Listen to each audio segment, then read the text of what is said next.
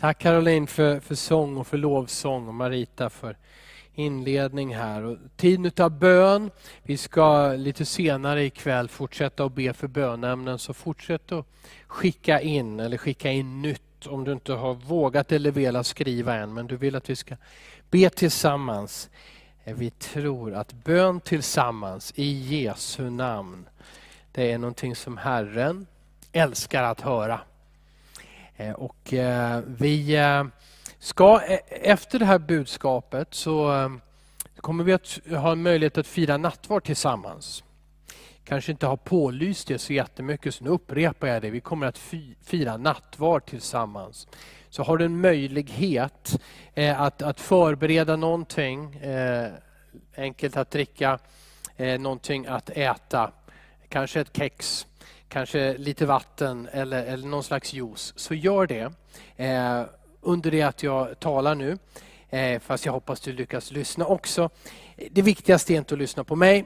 Det viktigaste är att du lyssnar in eh, Guds röst till dig. Du ska veta att vi som förbereder undervisning och predikan, vi vill självklart alltid säga någonting med behållning. Vi vill förmedla någonting från Gud. Eh, vi, vill, vi förbereder oss både i bön och, och, och studier och, och, att formulera det. Men eh, vad vi än lyckas få till, även om vi vore mest, de bästa retorikerna, vältaliga och, och superstuderade professorer på hög nivå, även om vi levererar precis det där lagom långa talet och allting, ingenting Ingenting kan jämföras med att Gud ger dig ett ord där. Det, det är det som ändrar allt, eller hur?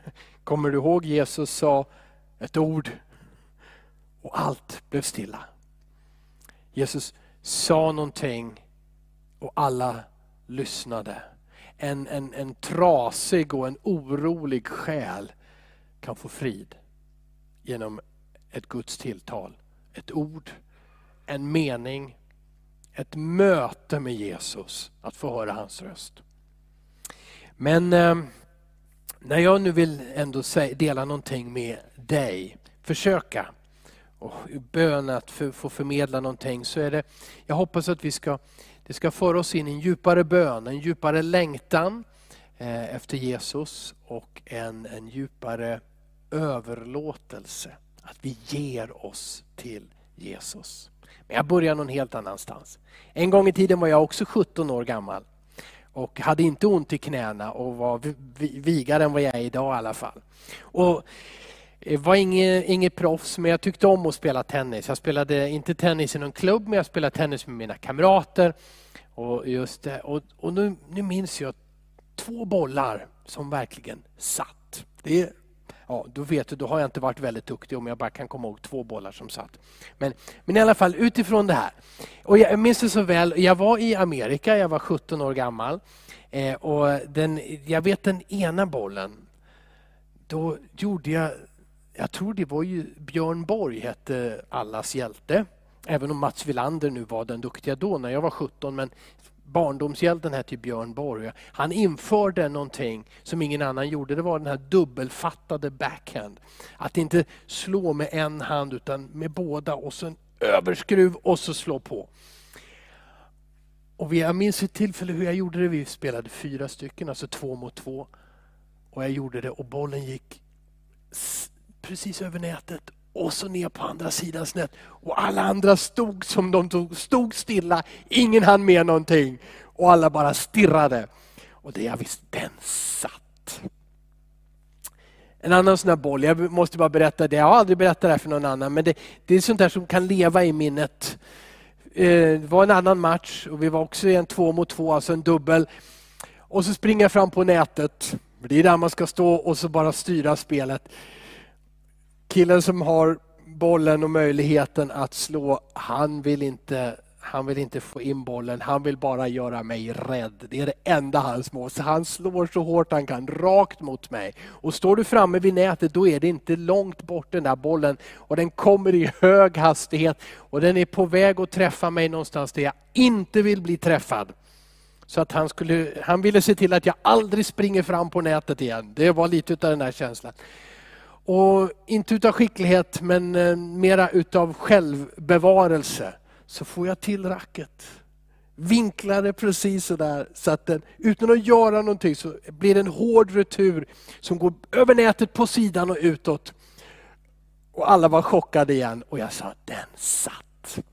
Den där, den där känslan, är ni, en, många av er kanske har haft massor med sådana upplevelser och även gjort det på hög nivå. Det har inte jag, jag har några få upplevelser, men därför så kommer jag ihåg dem. Men jag tror att du, jag hoppas att du kommer på någonting av den där känslan att du ger allt och så lyckas det. Wow, det är så otroligt. Men nu skulle jag inte tala om tennis och att ge allt för tennis. Ja, ja, du, du kan vinna en trofé, du kan vinna Wimbledon, men till slut så måste du putsa den bucklan också så att säga. Eller bucklan heter det inte, men man säger väl det. Jo, det gör man, eller hur? Det, eh, man putsar den här fina saken och man måste komma ihåg den när man märker att åldern och andra orsaker gör att det kommer längre och längre bort. Men att ge allt. Jag läste ett citat i natt eh, på Facebook. Tänk, var inte på Facebook på natten om du inte läser bra citat. Jag läste någonting som en evangelist heter som heter Kristoffer Alam. Och, och det, det, jag, tog, jag tog det till mig. Och han skriver så här. Det största vi kan göra med vårt liv, mm, nu, det största vi kan göra med vårt liv är att överlåta det 100% till Jesus. Och leva för honom utan att hålla någonting tillbaka. När jag sprang fram till nätet och såg den där bollen komma, då var det för sent att hålla någonting tillbaka. Då har jag sprungit fram, då står jag där, då måste jag vara snabb. Det största vi kan göra med vårt liv, det är att överlåta eller ge vårt liv 100% till Jesus. Och leva för honom utan att hålla tillbaka någonting.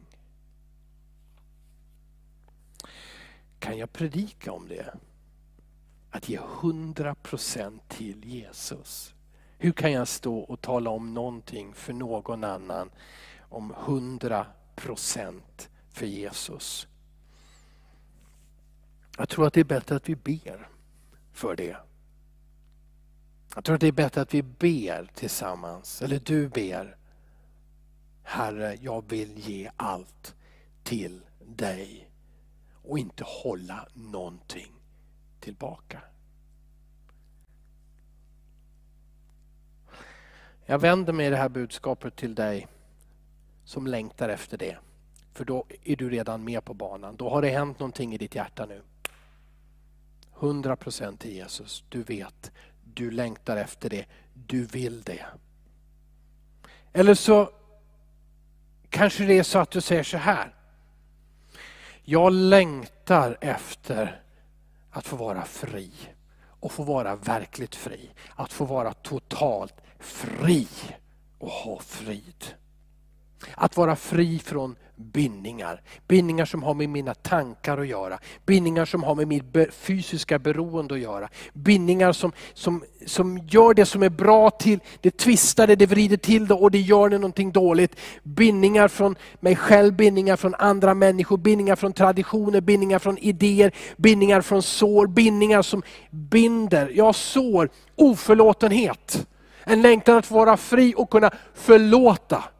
Kunna se en människa, möta en människa som har gjort en oförrätt mot mig utan att på en gång bli liten och, och bli drabbad av en smärta. Utan kunna se på den personen och säga, jag är fri ifrån dig, för jag har förlåtit dig. Du har ingen makt över mig. Det kanske inte är så att du formulerar så att jag vill ha Jesus till 100% utan det är mera, jag vill ha friheten, jag vill vara fri. Men det hänger ihop med att vara överlåten till Jesus. Det kan vara längtan efter att vara fri ifrån synden, att ständigt ställa till det, att ständigt falla, göra misstag, såra dig själv och andra. Att leva med en, en gudsrelation som mest präglas av dåligt samvete, för jag duger liksom inte till.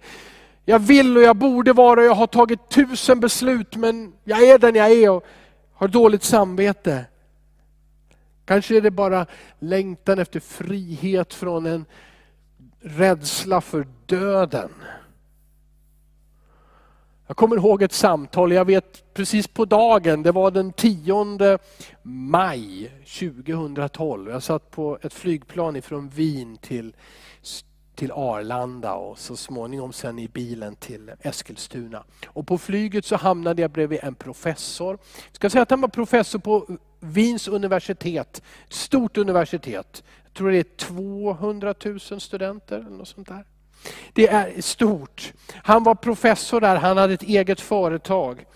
Eh, och vi pratar och, och, han är mitt i livet. Han, han, såg bra ut och framgångsrik ut och alltihopa och var smart uppenbarligen. Men han var rädd för att flyga. Och, och jag dristar mig till att fråga, varför är du rädd för att flyga? Och jag tar mig för pannan när jag hör hans svar. Hur kunde han vara så öppen? Han sa, ja, jag är väl rädd för att flyga för att jag är rädd för att dö. Och vi hade ett samtal om döden, om livet och om Jesus. Glömmer inte det samtalet med professorn ifrån Wien. En längtan efter frihet från rädslor, frihet från det som binder, frihet från straff, frihet från synd.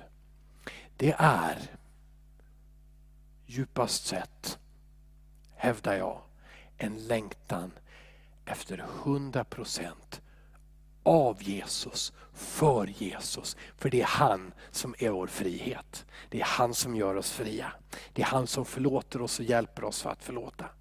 Innan jag säger någonting mer så vill jag att vi ber här. För jag tror som sagt inte att jag kan predika för dig om hur du ska leva 100% för Jesus. Men om du delar den här längtan, då kan den bara mynna ut i ett beslut, i en bön, en längtan. Jesus, jag vill ge 100% till dig utan att hålla någonting tillbaka. Ska vi be tillsammans? Vi ber här i kyrkan. Eh, du ber där du är, där hemma eller var du än finns. Om du har möjlighet att höja din röst så gör du det. Om du är i ett sammanhang där det finns andra människor och du inte vill, då ber du tyst inom dig. Men Jesus hör varje bön. Herre, Herre, vi vänder oss till dig. Vi ropar till dig, Herre Jesus Kristus. Vi tackar dig. Jag tackar dig för att du gav precis allting för oss. Du lämnade himlen och allting som du hade för oss, Herre Jesus. Du blev en enkel, fattig människa för vår skull, för den här världens skull, Herre. Du identifierade dig med oss Herre, med oss män och kvinnor Herre. Du kom och blev som en av oss Herre. Vi tackar dig Jesus Kristus. Och jag tackar dig Herre för att du inte kom för att vara en, en världslig kung eller president Herre.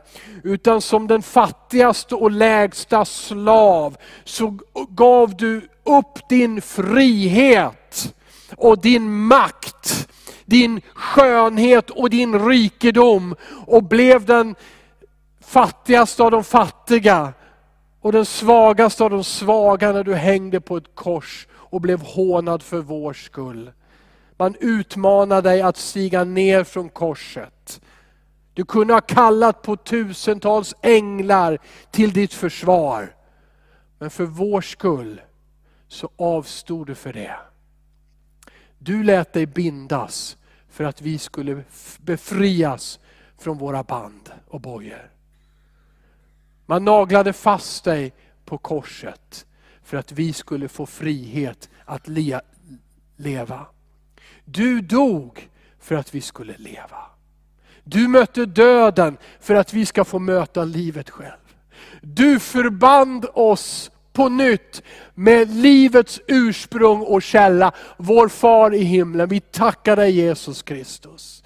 Herre, Herre, vi vill ge allt till dig.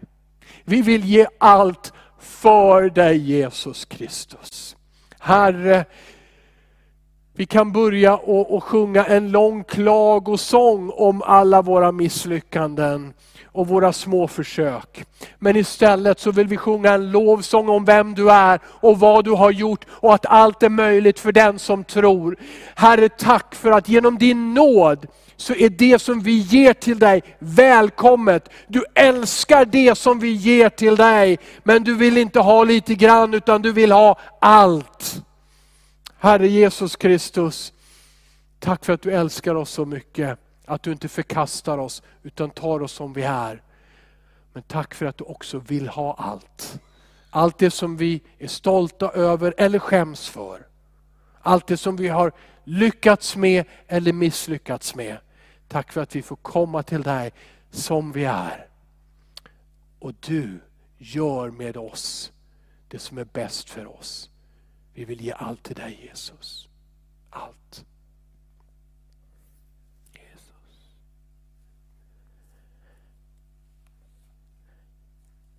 Jag vill läsa vad Paulus skriver, hur han uttrycker det här. Filipperbrevet 3. Kanske kan du gissa om du känner igen det här. Filipperbrevet 3, vers 12 till 14. Paulus skriver så här. Inte så att jag redan har gripit det eller redan har nått målet. Men jag jagar efter att gripa det eftersom jag själv är gripen av Kristus Jesus. Bröder och systrar, jag menar inte att jag har gripit det än. Men ett gör jag. Jag glömmer det som ligger bakom och sträcker mig mot det som ligger framför. Och jagar mot målet för att vinna segerpriset. Guds kallelse till himlen i Kristus Jesus. Amen. Han talar om ett mål som han inte har gripit ännu, inte har nått ännu. Vad är det för ett mål som han talar om? Jo, vi läste, det är ett segerpris, en buckla, en silver eller guld. Det är segerpriset, det är vinnarens lön för allt arbete. Och vad är det? Det är Guds kallelse står det till himlen. Guds kallelse till himlen. Vers 14 vers 10 alldeles innan definierade också så här. Det här är, det, är det, här, det här är målet. Att få lära känna Kristus och kraften i hans uppståndelse. Och dela hans lidanden genom att bli lik honom i hans död. I hoppet om att nå fram till uppståndelsen från de döda. Det här är målet. Jag vill formulera det så här. Seger i livet och seger i döden. Allting genom Jesus Kristus. Det är målet. Det är Guds mål för dig och mig. Att få leva i Jesus seger i det här livet, mitt i vår svaghet och mitt i en mörk värld. Men också livet i döden. Att när vi dör så ska vi inte dö utan leva. Vi ska leva i hans uppståndelsekraft här och nu och i all evighet. Det är målet som Paulus säger, jag har inte det än, jag har inte gripit det än, jag har inte nått det målet. Men jag jagar emot det. Han säger att jag vill gripa det Eftersom jag själv är gripen av Kristus Jesus. Gripen är ett starkt ord. Eh, vi brukar väl säga att polisen griper en tjuv, en brottsling. Och då förstår vi hur intensivt det här är. Det är att verkligen ta tag i, gripa tag, hålla fast med styrka. Kan du känna det? Att Jesus, inte med tvång och våld, men med kärlek har gripit tag i dig, har drabbat dig och han släpper dig aldrig. Han älskar dig. Han har gett sitt liv för dig. Han har tagit dig i sin famn. Han har gripit och omfamnat dig för att älska dig så som ingen annan har älskat dig. Och därför finns det en naturlig reaktion utifrån ditt hjärta. Jag vill gripa Jesus Kristus och det målet som han har gett till mig. Men Paulus skriver, inte än. Jag har inte gripit, jag menar inte att jag har gripit det än. Att ge 100% till Jesus, är det möjligt? Är det överhuvudtaget möjligt att ge 100% av oss själva till Jesus? När jag, om jag ser tillbaka på vad jag har gjort och hur jag har levt så kan jag inte säga det. Nej, jag har levt 100%. Nej Jesus, jag skäms. Jag har nog alltid hållit lite tillbaka i alla fall. Om jag ser framåt Ska jag resten av mitt liv alltid ge 100% till Jesus? Ja, jag kommer på massor med frestelser och utmaningar som kommer få mig att eh, kanske inte kunna ge 100% till Jesus i alla lägen. Men nu, vad gör jag nu? Nu, nu, ikväll kan jag säga Jesus, jag vill ge 100% till dig.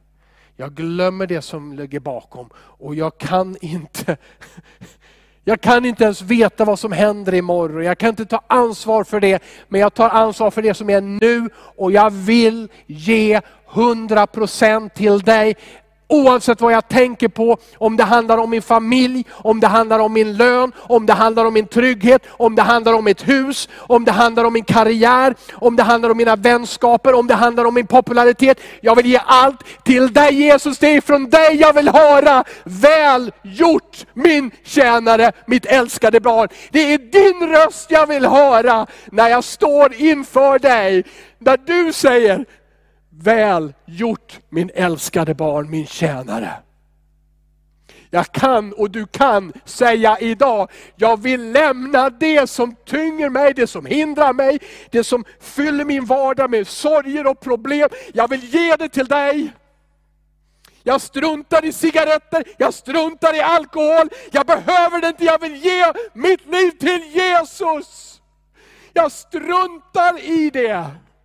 Jag struntar i vem som har sårat mig. Jag förlåter dem i Jesu namn för jag vill ha dig Jesus. Jag vill ha hela dig och jag vill ge mig själv till dig utan att hålla någonting tillbaka. Han säger, ett gör jag. Ett gör jag. Jag glömmer det som ligger bakom. Vad var det Paulus glömde utan att glömma? Det är inte ett intellektuellt glömmande det handlar om. Han, han går inte in i någon slags dimma där han inte kan tala om vad som har hänt tidigare. Han kan mycket väl tala om, om man läser från vers 4, så talar han om att han mycket väl kunde förlita sig till sitt yttre. Förstår du? Om, det vi tar, om jag skulle gå tillbaka till bilden av tennisspelaren så så vore tennisspelaren som vet, jag har övat och jag kan. Jag har övat de olika slagen och reaktionerna, jag är snabb, jag är stark, jag ser spelet, jag kan läsa min motståndare, jag vet hur jag kan vinna, jag ser hans eller hennes svagheter. Jag har uthållighet, jag kan spela en hel match för tre timmar och jag orkar med det. Man kan veta, man kan lita till sitt yttre. Och det hade Paulus också gjort. Inte som tennisspelare, men som en from, religiös jude som gav allting, allting av sitt liv för att tjäna Gud på det sätt som han trodde var rätt och som hans religion krävde av honom. Vers 4. Fast nog hade också jag kunnat förlita mig på det yttre.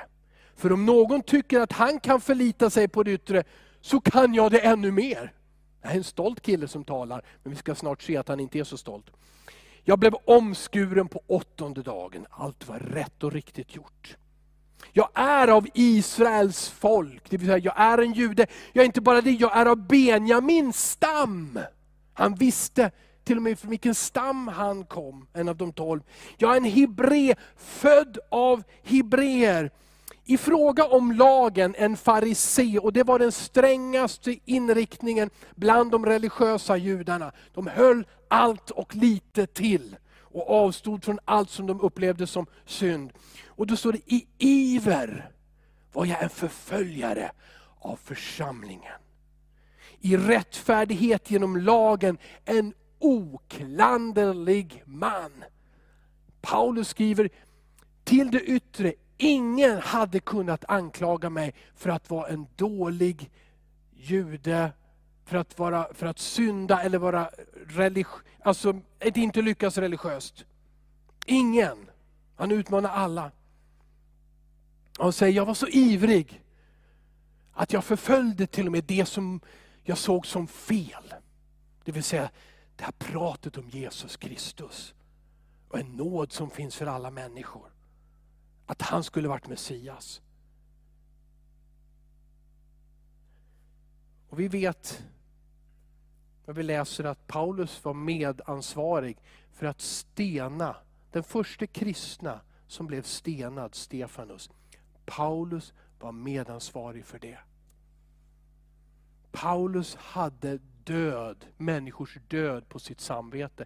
Det står beskrivet att när han fortfarande var religiös på det sättet som han var tidigare, så lät han soldater springa in i huset och dra ut män och kvinnor och barn och fängsla dem. De som trodde på Jesus. Han hade förstört familjer. Han hade förstört framtiden för unga människor. Han hade medverkat till att ta människors liv. Men Paulus kan inte glömma det intellektuellt. Men han säger, jag glömmer det som ligger bakom. Vad handlar det om? Jag tror att det handlar om ta emot förlåtelse och att förlåta sig själv. Att ta emot förlåtelse från Gud. Att han förlåter dig det du har förstört för andra människor. Till och med om du har tagit deras liv. Och att glömma det som ligger bakom innebär också att du förlåter dig själv. För Gud har förlåtit dig. Så varför ska du inte förlåta dig själv? Detta är att glömma. För det är då som ditt förgångna inte längre styr dig. När du förlåter dig själv så som Gud har förlåtit dig, då styr inte ditt förgångna dig. Utan du är fri att älska, du är fri att leva, du är fri att börja om. Du är fri att möta varje människa. Att glömma som Paulus gjorde, jag tror att det handlar om att ta emot förlåtelse helt och hållet. Inklusive att du förlåter dig själv. Paulus skriver, jag sträcker mig fram. Du ser idrottsmannen med min bild av tennis i huvudet, då flyger man nästan med racket så långt fram som möjligt för att nå den där bollen som är på väg att gå förbi dig. Du jagar mot målet som maratonlöparen, som idrottskvinnan. Du jagar för att vinna. Du har förberett dig och nu vill du vinna. Och Det handlar om, än en gång vers 14, att vinna segerpriset från Gud. Det vill säga hans kallelse till dig, till himlen genom Jesus Kristus. Och himlen är inte bara en plats någonstans långt borta i en annan tid och verklighet. Himmelriket är här och nu. Det kom genom Jesus Kristus. Gemenskapen med honom är att leva i himmelriket. Här och nu, men också blicka framåt mot en evighet. Där ingenting binder. Halleluja. Är jag en idealist? Är Paulus en idealist? Är det här, o, är det här, är det här ungdomlig omognad? Att drömma och att svärma på det här sättet. Paulus säger att det är tvärtom. Han säger, det här är inte ungdomlig omognad. Han skriver så här i vers 14. Så bör vi tänka, vi som är mogna. Yes! Du som har gått med Jesus en längre tid. Du som är på väg. Du som tänker, du som börjar känna Guds ord. Du som börjar du som börjar leva dina dagar och det finns bön och du tjänar Herren. Det finns en mognad. Den som är mogen enligt Paulus jagar efter segerpriset. Gör upp med allt som heter apati och likgiltighet känsla av misslyckande eller försiktighet. Utan säg, jag vill ge allt till Jesus Kristus. Det är mognad. Det är inte ungdomlig omognad eller idealism. Det här är vad Paulus ger till oss. Den mogne längtar som en ung, kär, nyförälskad människa längtar efter Jesus. Den mogne vill segra. Nöjer sig inte med, ja det går några förlorade där. Och vi måste leva med synden. Och vi är alla människor, så det blir lite sådär och sådär. Nej, den mogne i Kristus vill vinna segerpriset här och nu och i all evighet. Och den mogne väljer rätt mål. Den mogne vet när det är dags att lägga tennisracket på hyllan och säga, Livet har en annan mening. Det är Jesus Kristus, det är livet med honom och evigheten med honom. Den mogne sorterar bort, prioriterar och lägger det åt sidan som inte för till en verklig seger, som inte är hållbart för evigheten. Det är mognad, att ge allt till Jesus, här och nu och dag för dag. Gud har en vision för dig, för ditt liv. Amen. Han, har du en vision för ditt liv? Är det Guds vision? Han har ett mål, en vision, en plan. För dag efter dag efter dag in i all evighet. Det kan Gud, för han är Gud. Och han har denna plan för varje människa, inklusive för dig. Låter du dig drabbas? Börjar du se den visionen? Längtar du efter att se den visionen? Jag läsa en vers till alldeles strax. För att det är så lätt att tänka, nej jag, jag ser inte vad Gud vill, jag vet inte. Ja, det, det är bara för att jag är som jag är. Och så börjar vi deppa igen. Så, jag ger upp, jag, jag, har, jag ser ingen vision för mitt liv, jag ser ingen vision jag ser ingenting, jag vet inte vad Gud vill. Och så börjar vi deppa. Men då säger Paulus så här i vers 16, låt oss bara hålla fast vid det vi nått fram till. Amen. Förstår du? Bli inte frustrerad med dig själv att du inte är superandlig och långt fram och mycket bättre. Glöm det. Det står, låt oss hålla fast vid det vi nått fram till. Hur gör vi då? Vi tackar. Vi tackar honom här och nu. Tack Jesus att jag är frälst av nåd. Tack för att jag är i kyrkan ikväll, tack för att jag sitter och lyssnar på en predikan och jag läser Guds ord och det brinner i mitt hjärta. Tack Jesus Kristus för att du har frälst mig. Du har börjat någonting nytt i mitt liv, det finns en framtid Jesus. Jag ser inte allt som du vill med mitt liv och i hela världen och alltihopa. Men jag ser att du har börjat med mig och jag tackar dig för det. Och låt ditt hjärta fyllas av tacksamhet. Fyll din mun med tacksägelse till Herren. Börja med det som du har, det som du har nått fram. Kasta inte bort det för att ja, jag är så dålig och det ingenting fungerar. Ge dig inte själv till den typen av tänkande. Jämför dig inte med andra. Tänk inte om jag hade gjort det, då skulle jag ha lyckats mycket mer. Alltså, lämna det, glöm det som har varit. Börja nu och tacka för det som du har. Gud har varit med dig ända till denna dag. Och han ska föra dig framåt. Han har en vision för ditt liv. Vad är det du har? Vers 20 säger så här. Men vi har vårt medborgarskap i himlen.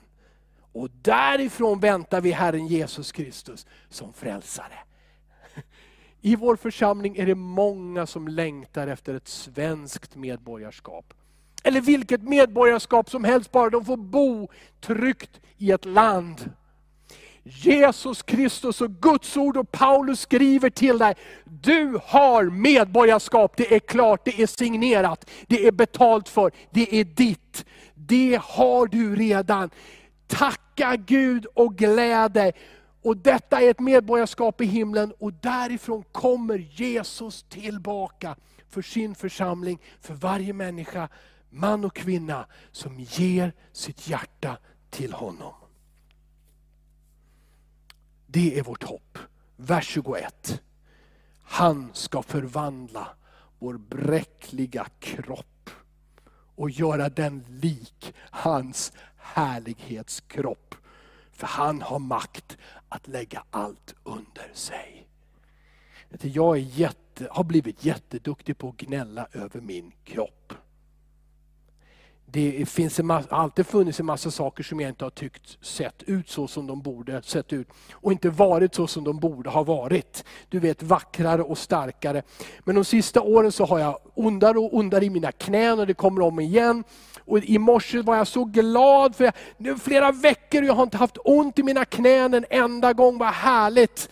Jag tackar Gud för det. Och så tio minuter senare så högg det till i vänstra knät igen. Ah, det är inte sant. Kroppen är bräcklig. Jesus hade säkert en bra kropp. Men frivilligt så lät han den piskas och spikas fast på ett kors. Varför då? Han var den första att få en härlighetskropp. Han uppstod ur graven. Och även om man en tid fortfarande kunde se såren i hans händer, så var det inte sår som blödde och gjorde ont. Utan det helades. Han hade en härlighetskropp. Det var Jesu kropp.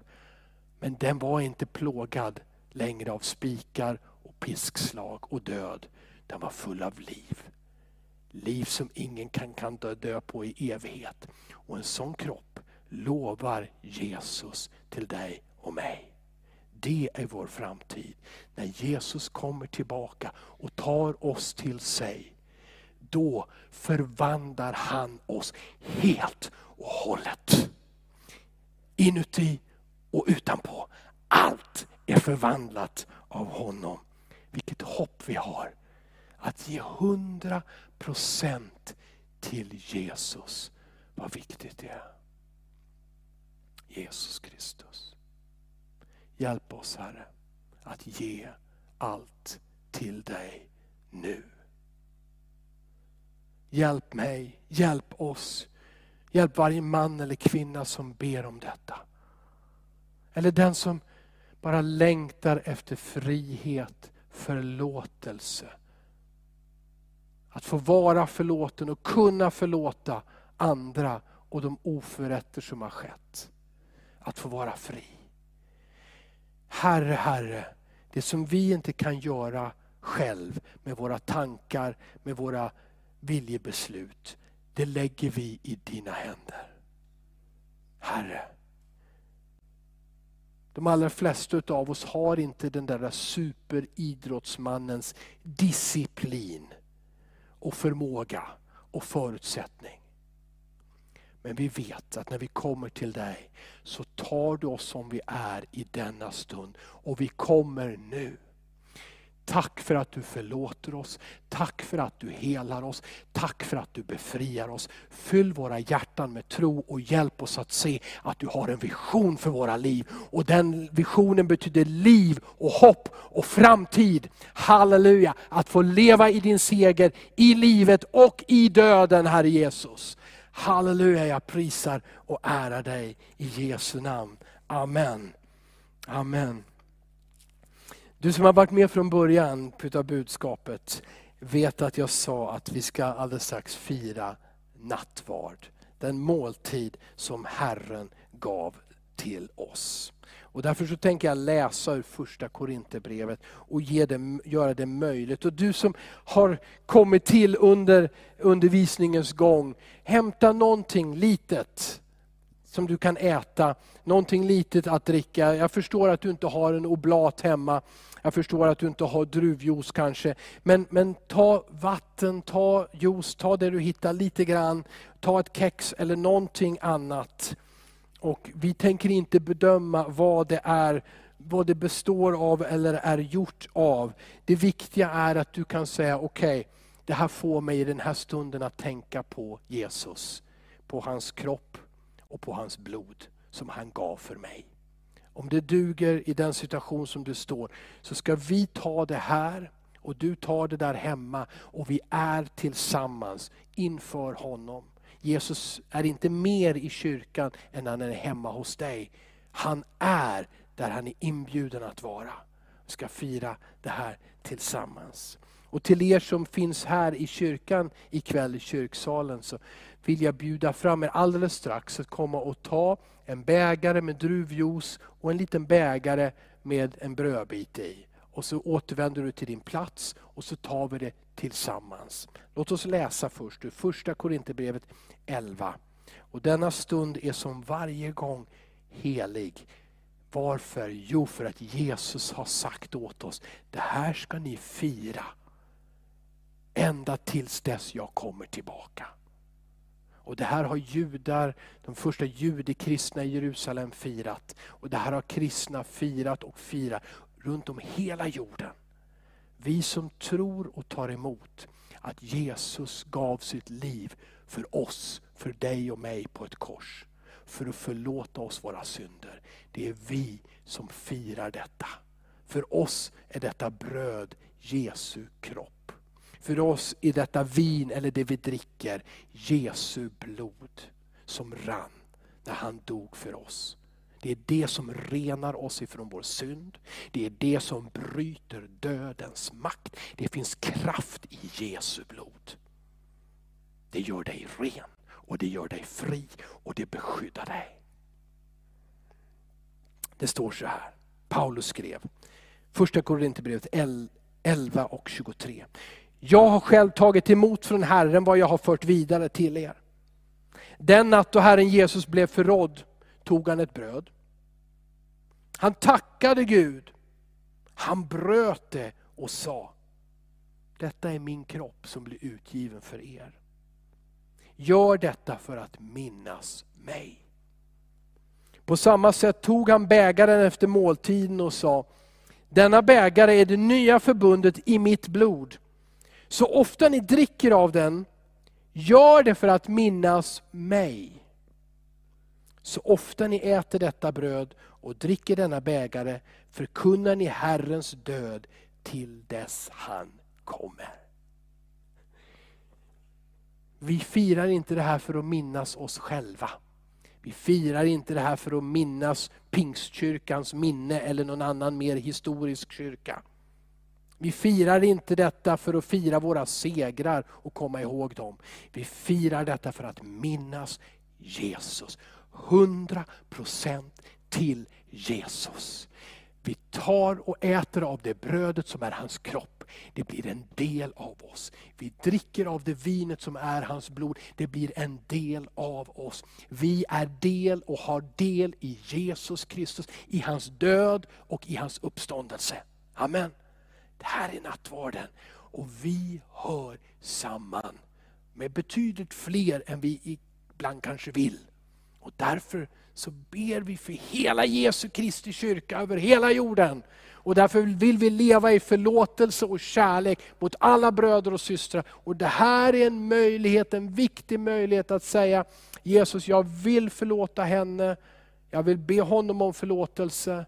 Jag vill älska så som du har älskat mig, vill jag älska de människor som jag möter. Det här är en möjlighet att ge oss själva till Jesus, för han har gett allting till oss. Låt oss be. Fader i himlen, tack för ditt ord, tack för din son och tack för hans död på korset för vår skull. Tack Fader för att du uppväckte Jesus ifrån de döda. Och att samma uppståndelsekraft som väckte Jesus från de döda också är verksam i oss. Vi vill komma ihåg vad du har gjort för oss Jesus. I döden, men också i uppståndelsen. Och i det faktum att du är på väg tillbaka. Du lämnar inte denna jord i hopplöshet eller i coronapandemi eller andra sjukdomar eller krig. Du har inte gett upp på en enda människa, du har inte gett upp på denna jord. Det finns hopp ifrån dig Jesus, det finns helande ifrån dig. Vi proklamerar det för oss själva, in i andevärlden, för våra bröder och systrar Herre. Vi vill leva i din kärlek och i din förlåtelse. Välkommen nu helige Ande att leda oss när vi firar denna måltid för att minnas vad du har gjort för oss och vem du är. I Jesu namn, Amen. Amen. Så om du inte har hämtat